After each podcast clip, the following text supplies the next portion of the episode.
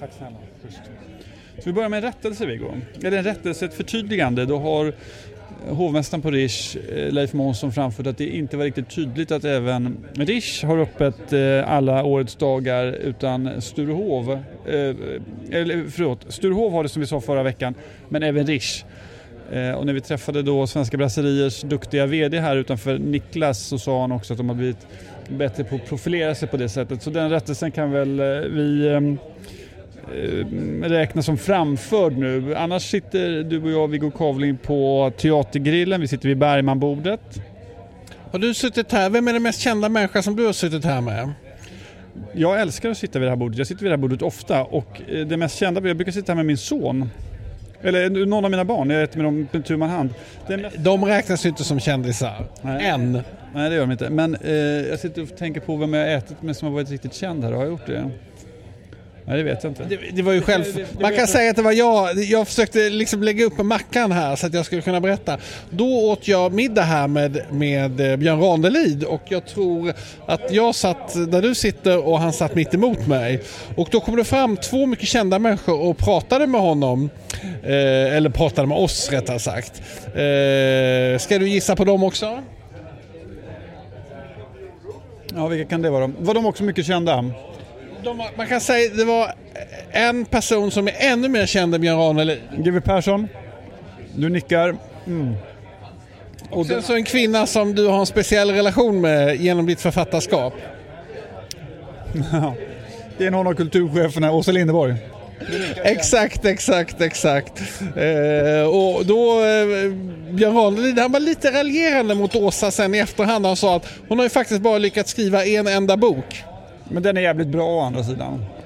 Men eh, tänk, du har skrivit flera böcker. Där ligger du liksom, du har gått om henne där. Flera böcker, jag menar fler romaner. Nej, det är sant. Du, apropå henne har du... Jag är ju väldigt fascinerad över det här att hon och Bengt Olsson blev ihop. Bengt Olsson, han var ju liksom... Eh, de två brukade ju tagga mot varandra i spalterna men det visade sig sen att de egentligen var kära. Tror du det är så med kulturpersonligheter att de är, ja... ja men det, du och jag har ju haft en förkärlek för att göra den här typen av sociogram eller mer vulgärt uttryckt knullscheman mellan personer. Om man skulle backa Bengt Olsson, då har han då tidigare varit tillsammans med, vad heter hon författaren, författarinnan? Um, Helena von Schweiberg. Nej, men innan. Anja... Vad heter hon? Som tidigare var gift med Per Gudmundsson. Ja, han var Agnes Lidbeck. Agnes Jävlar, han har hyvlat av ett, ett, ett, gäng kulturtjejer här. Eh, precis, och så tänker man då... Eh, precis så. Det, det, det, är en eh, grupp människor som verkligen är, definierar kultur och opinionsscenen i Sverige. Du, jag undrar om vi ska... Jag om, om den här logiken skulle gälla då att... Eh, de man står i opposition mot blir, blir, blir, man tillsammans med. Vem skulle du i så fall vara tillsammans med? Nu är du lyckligt gift med Anna naturligtvis, men rent som ett, en, en teoretisk övning. Rolf den Brink. Om jag skulle vara ihop med Rolf van Nej, men jag har inget eh, emot Rolf van den Brink. Han ska ju ha vernissage nu på sin utställning här övre Östermalm här inom kort. Den ska både du och jag gå på. Det är på Nybrogatan, i Stockholms Auktionsverks lokaler. Och den heter, utställningen heter Tillåtet, nej. Jag funderar på om vi ska sätta oss ute i soffan istället för det är väldigt mycket chatter här. Ska vi göra det? Ja, men då får du prata med Anders för nu har han fixat fram det här bordet till oss. Jo, men vi säger du, nu har vi bytt eh, plats här så nu sitter vi ute i garderoben här på teatern. Det var så mycket kackel där inne. Det här är en av mina absoluta favoritplatser i Stockholm. Den här eh, trappan ner till eh, garderoben eller som också är som en eh, rund liten bar innan teatergrillen och teaterbaren. Jag älskar att krypa ner här. Det här är som att gå in på Oavsett när på dygnet så är det som att vara på början på en liten, liten fest. Och så tycker jag också man oftast möter folk som är på väg till middagar och så kan man sitta i lugn och ro och ta ett glas. Det är en hemlig bar. Här har du och jag, på den tiden vi var reportrar, stött på folk som har blivit oerhört besvärade av att vi har kommit. Det vill säga samgående mellan bolag eller någon som ska rekrytera någon. Eh, man ser alltid blicken om man är reporter, man kommer och säger vad fan gör han här? Det här var inte bra att han såg. Är mycket som hänt här. Mm, nej, men det här är, jag brukar hänga här faktiskt innan teaterbaren kom. De, den ja. var ett fik där Kristina Lugn brukade hänga där teaterbaren är nu. Där, då satt jag här och en som heter Jonas Ingestedt, eh, vi brukar sitta här på fredag Ja, det var super nice. Du, eh, känner du dig eh, redo för första ämnet? Ja, ja, ska vi eh, kasta, det här skulle heta Kulturchefspodden egentligen, eller Kulturredaktörspodden, för det har ju visat sig vara någon form av fetisch eller besatthet vid, vid båda delar. Eh, är det där vi ska börja? Du får gärna börja helt enkelt. Nej, du får börja. Ska jag börja? Men jag ska ju prata om Ellegalan, det har ju inget med kulturchef att göra. Just det, då börjar jag. Då eh, är det väl värt att notera att det enligt Aftonbladets Erik Rosén så bör yrkesgruppen eh, PR-konsulter och i synnerhet de som jobbar på Stockholm 500 och i synnerhet Love Bonnier inte skriva någonting på kultursidor vilket jag måste säga är en befängd idé. Kan du berätta lite bakgrunden till det här? Alla lyssnare kanske inte känner till den här eh, ja, jag tycker då eh, Erik Rosén har gjort ett smart drag. Han har lyckats misstänkliggöra Love Bonnier som skribent, på, som återkommande skribent ska man nog säga, på Expressens eh, kultursidor. Jag har läst Marianne Lindberg Diers bok Faktiskt precis. Hon skriver också löpande på Expressens kultursidor så förstår man hur många texter som skickas in av många personer och som ändå inte kommer in. Alltså det vill säga det är ett rätt stort stall av personer som, som späckar på att få publiceras och då kunna både synas och skicka en faktura. Eh, Love Bonnier på, heter byrån 500 eller Stockholm 500 i varje fall. Det var väl Simon eh, Sköld, Simon Strand som startade. Han, han var ju väldigt inne på, det var jag också ett tag, vi, vi konkurrerar lite, hittar de unga heta, men han eh, i reklam och, och, kommunikationsbranschen och då gjorde han liksom en lista. Och sen den listan, eh, typ om han och Love Bonnier kom fram bara att vi tar de hetaste på vår lista och så bildar vi en byrå och då blev det byrån 500, eller hur? Ja men så kan det ha varit. Jag tror skillnaden mellan dig och, eh, du ska inte blanda ihop Simon Strand och Simon Sköld, det tror jag ingen av dem blir lycklig av. Eh, sen tror jag skillnaden mellan dig och Simon... Jag blandat ihop dem, jag var bara lite osäker. Sen tror jag skillnaden mellan dig och Simon Strand när ni gjorde det här var att han var ung och het då. Du var inte den när du kom på den här idén. I varje fall då, så är, tycker jag den stora knäckfrågan vilka som ska skriva på kultursidan och vilka ska inte göra det. Så är det någon grupp som eh, inte ska ha rätt till det? Det finns ju en hybrid och möjligtvis att jag tillhör den själv också. Det är kontroversiellt att säga men man både skriver grejer, eh, modererar saker eh, mot betalning och gör saker utan betalning eller skriver böcker och så vidare. Love är väl eh, kanske en sån. Jag tror inte att det finns så stor risk att man blandar ihop de där rollerna Eh, för det får man inte göra helt enkelt. Jag tror den här Erik Rosén, han, han är så rädd att kultursidorna ska devalveras av att kultur av att PR-konsulter skriver på dem. Alltså, jag, tror, det var, jag har ju ett förflutet i kulturvärlden. I början på 90-talet så gav vi ut en kulturtidskrift och då var man väldigt upptagen av kultursidan och kulturtidskriften och kulturskribenternas finhet. Och så efter ett tag då så kom jag ut i den stora världen och upptäckte att de enda som är upptagna av det här det är då kultursidorna själva. Typ en sån här Erik Rosén, vem, vem ska få lov att skriva på kultursidan? Oh, jag har hittat några som inte är tillräckligt fina. Den här längtan efter finhet tycker jag är problematisk. Och jag tror tyvärr inte att räddningen är att man stänger ute PR-konsulter. Utan, för jag tycker att det finns ett värde också i det fina. Att man, ja vi anser oss vara upphöjda, vi anser oss vara lite bättre än andra och så. Och där tycker jag att kultursidorna har fallerat eftersom de är så ointresserade av kultur. Det har jag tänkt väldigt mycket på. Det är liksom alla som jobbar på kultursida idag, på DN och Expressen och sådär, de tycks tro att de jobbar på en ledarsida. Ja, men det finns något i det, att det är så att säga, ett bredare opinionsmaterial det, där eh, man märker av det. Det jag tror Erik Rosén, Erik Rosén förlåt, som förut också är en eh, lysande författare, har lyckats med det är ju att eh, kunna påverka eller styra vem som skriver på Expressens kultursida. Och det är ju väldigt maktmässigt skickligt gjort. Det... Alltså, jag, sen tror jag så här att det börjar med att Love Bonnier, då Jonas Bonnier, är en av de stora ägarna i Bonnierskoncernen och han äger väl också... Ja, en av hyfsat, inte lika stor som de här, eh, de som inte tycker om sex. Men det finns ju två grupper, familjen Bonnier. De som gillar att ligga och, tre, oj förlåt mig, tre grupper. Och, och jag tror att det var så här att att Karin Olsson som tog in honom hon vill liksom gulla med Bonnier. Det var därför hon tog in honom. Och då tänker jag på dig Klas, du har ju också, du tycker också om att gulla med Bonnier. Eh, där skiljer vi oss åt ju. Hur är det? Berätta lite om det här. För det första tror jag att du har helt fel. Eh, jag tror inte att eh, Karin Olsson skulle välja att gulla med Bonnier. Det märks att du inte förstår hur det där funkar alls. Då skulle hon inte ta in Love Bonnier och låta honom skriva på det sättet. Det tror jo, jag... men det är ett sätt att liksom, oh, vi, jo det är lite gullande med honom. Alltså texterna i ärlighetens namn, väldigt förutsägbara, tråkiga, ganska ointressanta. ingenting som liksom berör någon på allvar om han inte hade hetat Love Bonnier. Det är ju det som gör att det blir lite edge på det hela. Nej, jag håller inte med dig. Alltså, jag tror dessutom att hans stora nackdel är att han just heter och tillhör den familj han gör. Jag tror att det är det som är tufft för honom. Jag tror dessutom inte heller att hon har tagit in honom. Jag tror att han har fått kämpa rätt hårt för att få bli publicerad där. Sen tror, jag alltså, han... tror du verkligen att en person som honom, född och uppvuxen med guldsked i mun, har fått kämpa något överhuvudtaget? Alltså kämpa för att bli publicerad tror jag. Jag tycker du tar till ett, faktiskt ett rätt billigt grepp nu och ger det på honom. Eh, och, det tycker jag. och så tycker jag, jag gillar inte heller när du sätter det på din kultur, jag drev en kulturtidskrift. Vad hände med den tidskriften egentligen? Ja, det blev en stor succé och utvecklades till ett eh, tv-program. Det första och eh, vad jag tror hittills enda renodlade kultur-tv-programmet som har varit i kommersiell tv och som fortfarande nu här 20 år efter och fortfarande nämns av en del människor som någonting som de faktiskt kommer ihåg.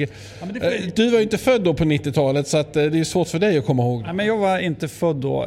Det är sant. Jag tror inte du förstår hur rolig den kommentaren är just i det här sammanhanget. Men Becquerel som den hette, som var både galleri också, eh, tidskrift och kanal. Det får jag faktiskt ge dig. Att det är många... Alla utställningar vi hade på det, vårt galleri recenserades av alla de fyra rikstidningarna på sin tid. Det säger något om nivån. Ja, men det säger något om nivån och du har helt rätt i att det är många som kommer ihåg det och eh, berömmer dig för det fortfarande. Det är ju sorgligt också att den typen av program som fanns, jag måste även nämna mitt och Sigge Eklunds program Frånvarande på TV8. Becquerel gick på ZTV. Det fanns ett par program som eh, blev lite i åtminstone en liten grupp människor lite legendariska för att de var så speciella och egensinniga. Den typen av egensinnig tv-produktion finns det ju ingen plats för längre. ZTV var under en period, TV8 var under en period och sen så har ju linjär TV slutat fungera och eh, möjligtvis så är det Youtube-kanaler som har tagit över det men mig vetligen finns det inte den typen av, det är poddarna som kanske gör det istället. Poddarna naturligtvis gör det. Du, eh, jag bara undrar, ditt ämne, är du färdig med det eller? Ja, men det här går ju till så att du tilldelar ju mig olika ämnen som du vill att jag ska prata om. Nu går vi över till dig Viggo, så gör vi som vi brukar eh, och pratar om... Du har även i år inte blivit bjuden på Elgalan. Hur känns det? Nej, men det känns... Eh, men alltså, anledningen till att jag vill ta upp Elgalan det är för att jag bor ju då, vi bor ju då hemma hos, eh, jag och min fru bor hemma hos våra, eller Annas föräldrar och då bor vi i källaren. Och ibland så går jag upp då i vardagsrummet och då sitter Kerstin som är svärmor och tittar på TV. Och nu i fredags tittar hon på Elgalan. Och hon satt och tittade på Elgalan och skrattade hela tiden för hon tyckte att de hade så otroligt fula kläder på sig allihopa. Och det, eh, det ja, vi satt där. Jag blev lite liksom beklämd av allt det här fula. Men, men hon, eh, hon tyckte bara att det var roligt. Liksom. Och då har jag tänkt mycket på vad det kan bero på att, att modet idag har på något sätt Mode drivs ju av, jag brukar hävda att mode drivs ju bara av total ängslighet. Alla människor som jobbar med mode är, har lite, lite ont i magen för de är rädda för att vara fel och uh, göra fel. Det är liksom deras speciella, de drivs inte av någonting som är lustfyllt. Och sen har de alla komplex för att de inte jobbar med konst egentligen. Mm. Eh, det är vad de skulle vilja helst av allt. Så då är mode deras uttryckssätt och det skapar en grogrund eh, av människor som mår egentligen grund och botten ganska dåligt och undrar så här, är jag rätt vid det här tillfället? Min egna, eh, min egna beklädnad, jag har bestämt mig för att vara precis tvärtom. Jag har ju inte bytt kläder sen jag var, eh, bytt klädstil sedan jag var 17-18 egentligen. Och eh, om några av mina kläder slits ut så köper jag exakt likadana nya igen. För att, så att säga, distansera mig från det Jag tror det finns ingenting som eh, är så farligt för huvudet som att börja förhålla sig för mycket till, till mode och alla de här tillfälliga nycklarna. Elgalan för den här typen av människor som tycker precis motsatt för mig, det är ju rena rama julafton. Och eh, jag tycker det är härligt att höra att din svärmor som för övrigt tar mer och mer plats i både ditt liv och i den här podden eh, kan unna sig att skratta åt det här. Du däremot nej, men, nej men jag tänker, för, först jag tänker så här, vad är mode för någonting? Och då tror jag, jag pratade med Mats Gustafsson, illustratören, den här världsberömda som bor i New York, länge eh, på 90-talet om mode och då, då sa han, eller vi kom liksom fram till att mode är en slags abstraktion. Mode finns inte i verkligheten utan mode finns i illustrationer, det finns i vad heter det, modemagasin, i en modebild. Där uppstår liksom modet. Det som har hänt nu på 2000-talet det är ju dels att modet har börjat närma sig samtidskonsten, det vill säga de har fått en slags pretentiös överrock som sitter väldigt, väldigt illa. Och den andra grejen, och det har det tror jag att nu idag så förmedlas ju mode inte i modetidningar för det är ingen som köper sådana längre utan i sociala medier. Och då då ska man på sin sociala medier eh, plattform då presentera en modig, riktig bild. Men när den bilden sen ska produceras på ett, eh, på ett vimmelkalas på, på Grand Hotel, det är då det blir så konstigt för att, för att modet det modet som presenteras i sociala medier, det ska ju också fungera när man går runt på, på galan. Och då ser man ju att de här människorna som har de här kläderna, nu var det väldigt många hål, eh, kläder med stora hål i, eller kläder som var sönderrivna. Eller, ja, man ser att de måste vara extremt opraktiskt att gå på en gala. Du ska gå dit, du ska visa upp det och sen så ska du ju liksom dansa och du ska bli full. Och det var något par som var med och delade ut priser. De hade blivit ihop där. Man, eh, man, alltså kläder är ju Kläder är ju en praktisk funktion, man ska inte frysa, man vill gärna visa upp sig men det här, jag tror att det har blivit som en slags kollaps för modet. Och då vill jag säga att jag tycker ju, speciellt det här liksom extremmodet, det, det, för vem är det bra för egentligen? Ja, men haute couture-modet det är det som ska driva. Det är som att se konceptbilar om man går till teknologin. Alltså att man tar upp någonting som är absurt och tänker så här. Men då förstår vi att ja, just det, vi kommer ha... Jag tror att en av trenderna vid Elgalan nu var att man skulle visa sin eh, gravidmage helt enkelt. Den skulle vara helt öppnad. Eh, eller eh, inga kläder framför den. Och, eh, det är väl då ett tecken på att just under kommande år så kommer det där på något sätt synas. Eller att det ska vara hål i kläderna. Eller, eh, Sönderrivna var många kläder också. Det var obegripligt. Eller sönderrivna men så, då är det här ett sätt att, att signalera till marknaden att vi är på väg åt det här hållet. Jag tror som du säger, mode är inte konst, det får man inte tro. Det är att devalvera konsten men också att devalvera modet. Däremot håller ju konsten som kommersiell kraft på att bli mode. Det vill säga att konsten som tillfällig nyck håller på att få plats. Och det tycker jag man ser i, i den digitala världen att vi ska byta ut det vi har på väggarna enligt det här affischföretags, Desenio heter en av logiken, att eh, det vi har på väggen det ska snabbt bytas ut, det ska vara tillfälligt, det ska vara billigt att köpa, det ska inte betyda någonting. Och alla de sakerna är ju kommersialismens eh, moder, oljan i systemet, det som gör att företag som Hennes och Mauritz eh, har historiskt sett och även nu tjänar väldigt, väldigt mycket pengar. Vi ska inte ha samma tröja säsong efter säsong.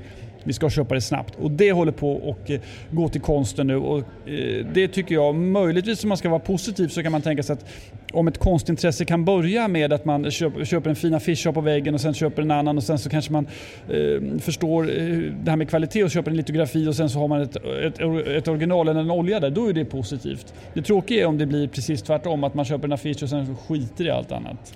Du, eh, jag tänkte bara bita mig kvar här lite i galan väldigt snabbt. Det var ju två programledare med här, eh, två av de mest politiskt korrekta personerna i Sverige och bägge efterlyste en partner på, eh, på galan. Det har vi sett andra exempel på, Guldmunken efterlyste och så. Hur tror du, hur tror du kommer gå för de här två de här två programledarna? Tror du de kommer hitta sina partner via kontaktannonser i kanal 11 en fredagkväll? Då måste jag fråga dig, vilka är programledarna? Jag vågar inte säga deras namn här för jag vet att om man uttalar dem fel då kan man bli lynchad i deras poddar. Så att, eh, jag, tror, jag tror kanske i så fall inte att det är kanal 11s tv-publik de vänder sig till utan möjligtvis eh, publiken på plats. Uh, vad tycker du? Jag tänkte på det här, var ska man träffa sin partner? Vad är den ideala platsen? Du träffar ju din partner på ett konstgalleri. Det stämmer. Uh, det gjorde jag. Vill du rekommendera det? Det tror jag, jag tror, ja, eh, precis. Eh, det tror jag. Om man är konstintresserad så är det ju bra.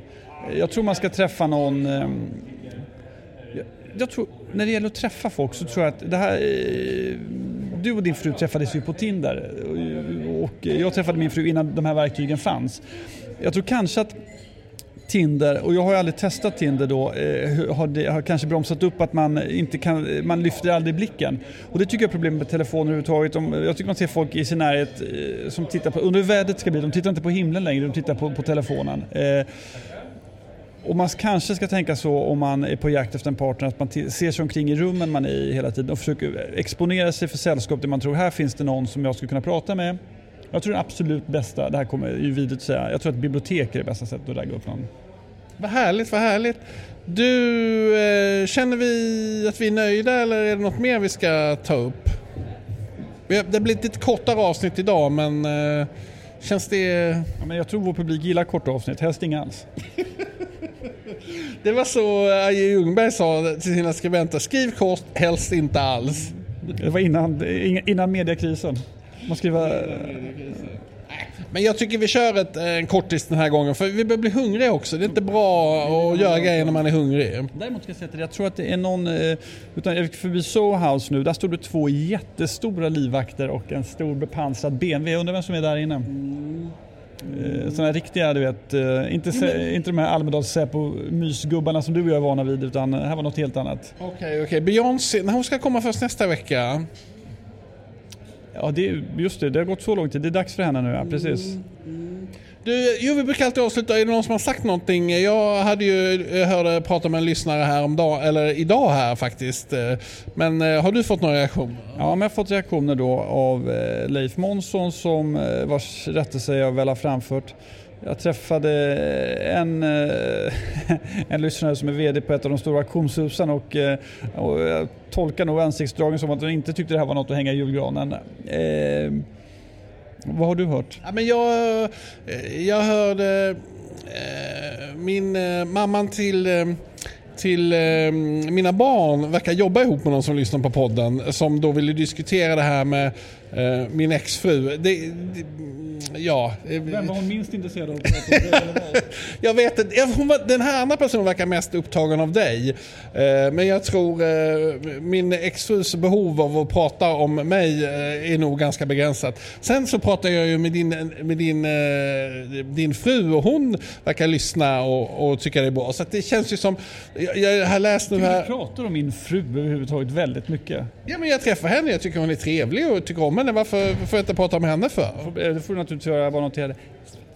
Ska vi, eh, har vi några grejer vi ska tipsa Rolf van den Brinks grej, det är nästa torsdag va? Den kan vi återkomma till och så kan vi prata om den. Är det någon annan grej? Jag för mig att det var något... Nej, Stockholm Art Week bubblar igång här. Det var ju där jag träffade din fru för jag var på någon pressträff eh, för det här. Så att, ja, men, jo, men, ja, men det, det, som fick mig, det som tycker så roligt med de här kommentarerna, vem som lyssnar på podden, det är för att jag läste nu här att, eh, att den här Fördomspodden, den har 70 000 lyssnare och de ska börja köra livepodd. Och man kan säga vi har kört livepodd hela tiden fast med den enda skillnaden att vi inte har någon publik.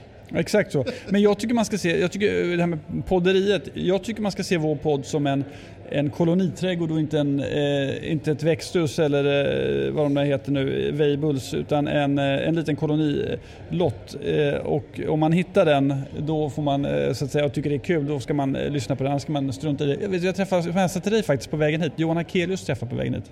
Oj! Otroligt välskräddad och stilig som vanligt och då sa, jag hade bråttom för jag skulle träffa dig och då sa han att jag skulle hälsa dig så himla gott. Ja men... Eh... Det är vår systerpodd, Akelius Popovas Ja men det är precis, det är min poddförebild bild. Ja men precis. Mm. Du, eh, ja, men nu äter vi va?